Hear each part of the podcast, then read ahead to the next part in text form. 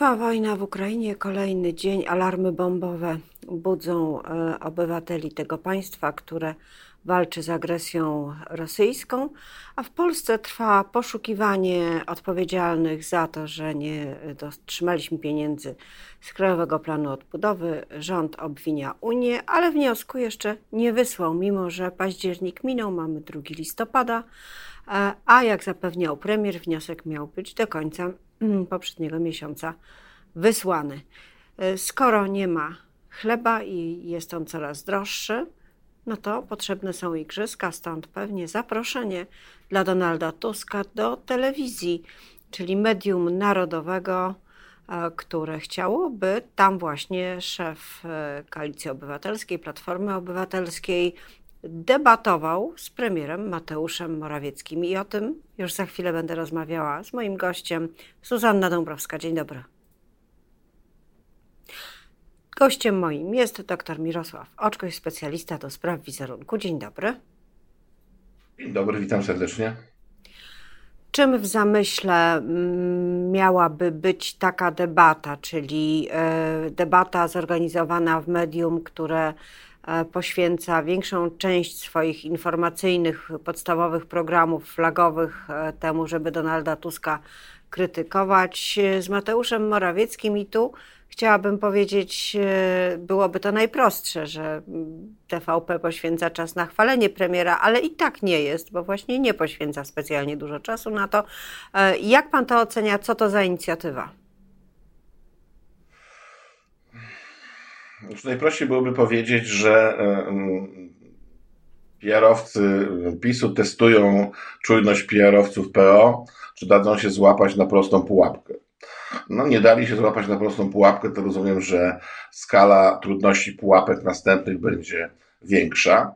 Ale oczywiście, tak jak pani redaktor powiedziała, trzeba by się przyjrzeć, jaki program zapraszał, bo program akurat redaktora PRL nie jest jakoś najbardziej po linii, a przynajmniej za czasów Jacka Kurskiego, e, TVP e, i, i, i w ogóle TVP Info. Forma była taka, że to żadna debata, no ale w Polsce nie mamy formy debaty, bo nikt tego nie potrafi robić. E, mm, w związku z tym to też dosyć e, zabawnie brzmi. A w zasadzie wszystko chodziło o to, żeby te paski były później mm, następnego dnia, że Donald Tusk stchórzył, żeby wystąpić z naszym cudownym premierem Morawieckim. No dosyć prymitywna mm, zagrywka, no ale rozumiem, ale, że... ale to znaczy, y, bo powiedział Pan na początku, że to była pułapka, w którą pierowcy nie wpadli, ale skoro ten cel czyli wyprodukowanie pasków krytykujących Tuska za tchórzostwo, został osiągnięty, to znaczy, że pułapka zadziałała.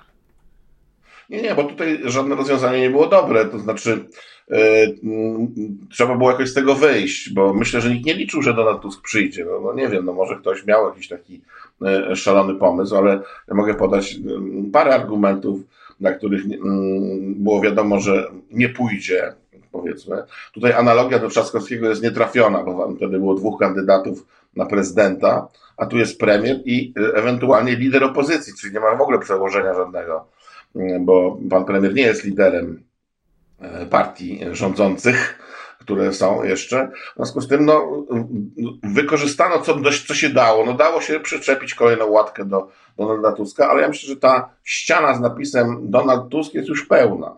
Tam się nie da dokleić już następnych rzeczy, a te, które są doklejane, spadają. Trzeba byłoby zerwać to, co jest i dokleić coś rzeczywiście takiego, co by spadało, yy, znaczy spadały buty z nóg, z wrażenia. W związku z tym, no ja myślę, że też to jest taki jakiś ruch, może być następna możliwość, że no taki, taki jest profesjonalizm, jaki jest profesjonalizm. Tyle potrafią zrobić y, na biegu, na prędce ludzie z TVP Info.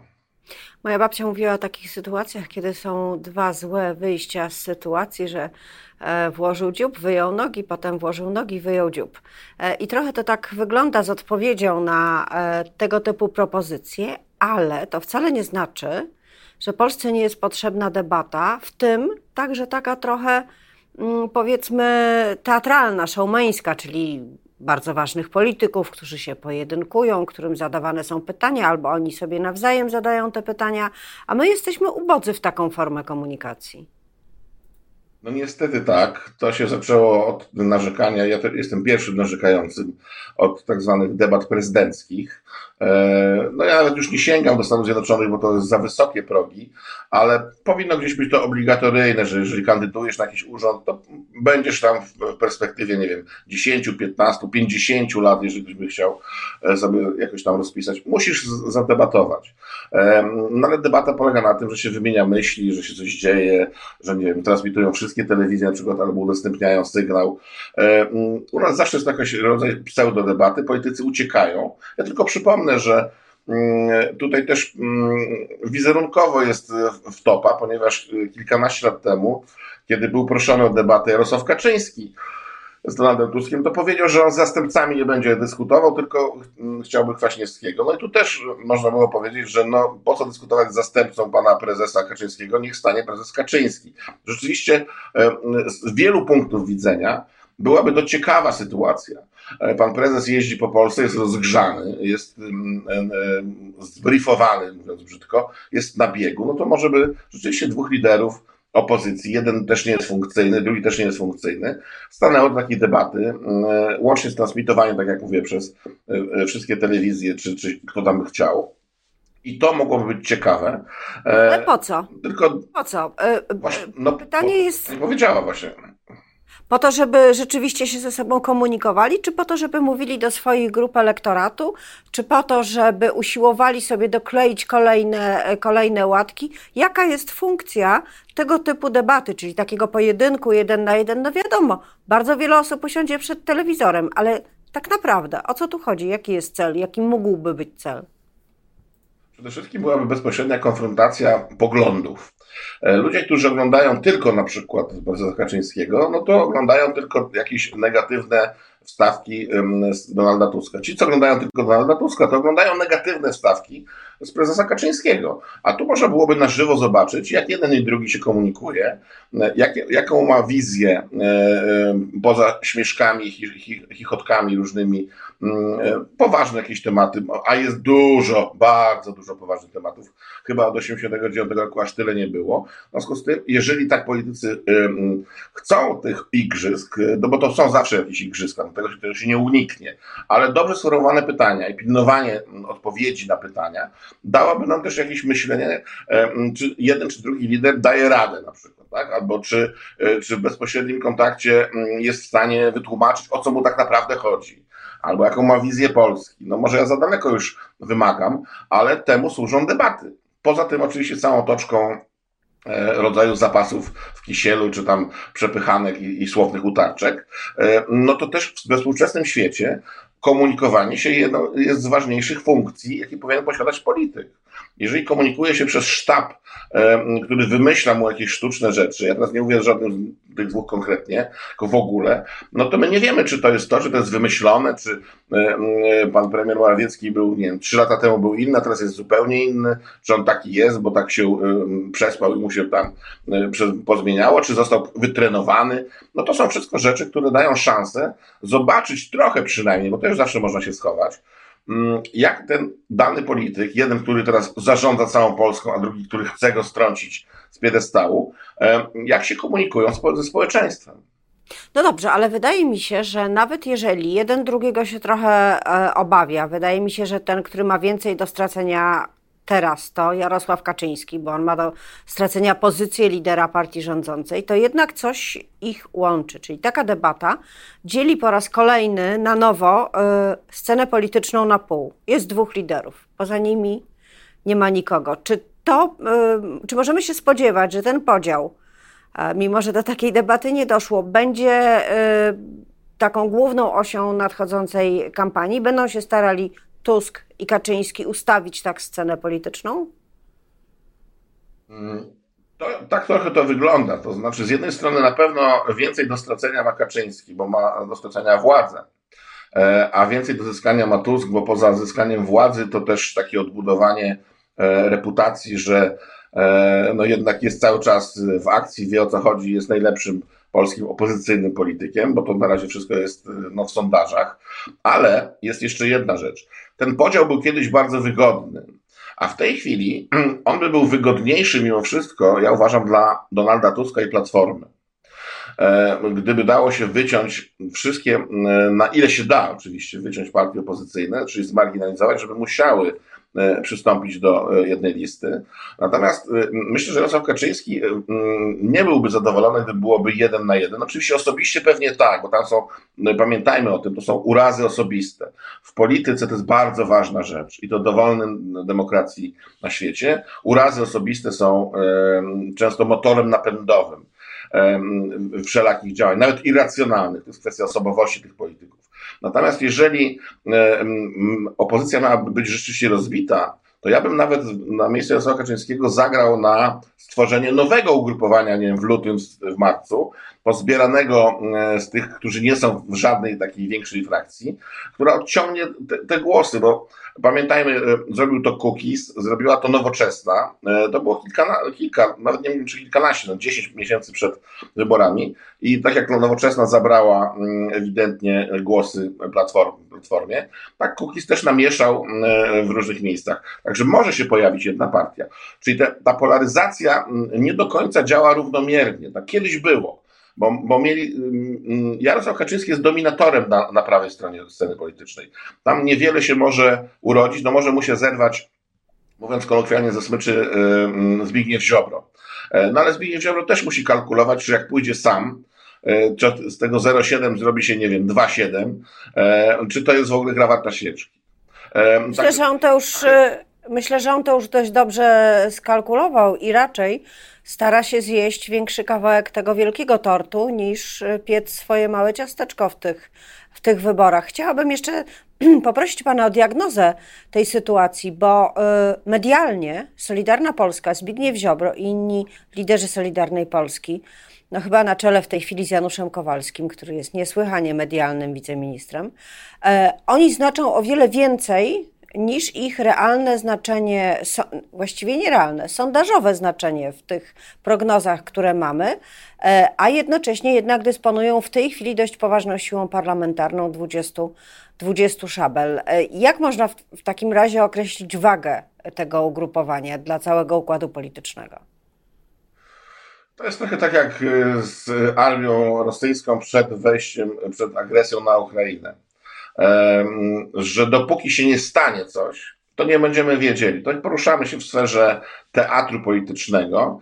E, Solidarna Polska jest dobrze zorganizowana medialnie. Jest to, tworzą jedną drużynę, popierają się nawzajem, widać, że, że jeden drugiego, jeden powie, drugi powtarza, e, mają jakieś wsparcie, mm, ewidentnie, no, może żony pana Zbigniewa Ziobry, wypadają lepiej, po prostu wypadają lepiej, e, a szczególnie dla radykalnych członków prawej strony sceny politycznej.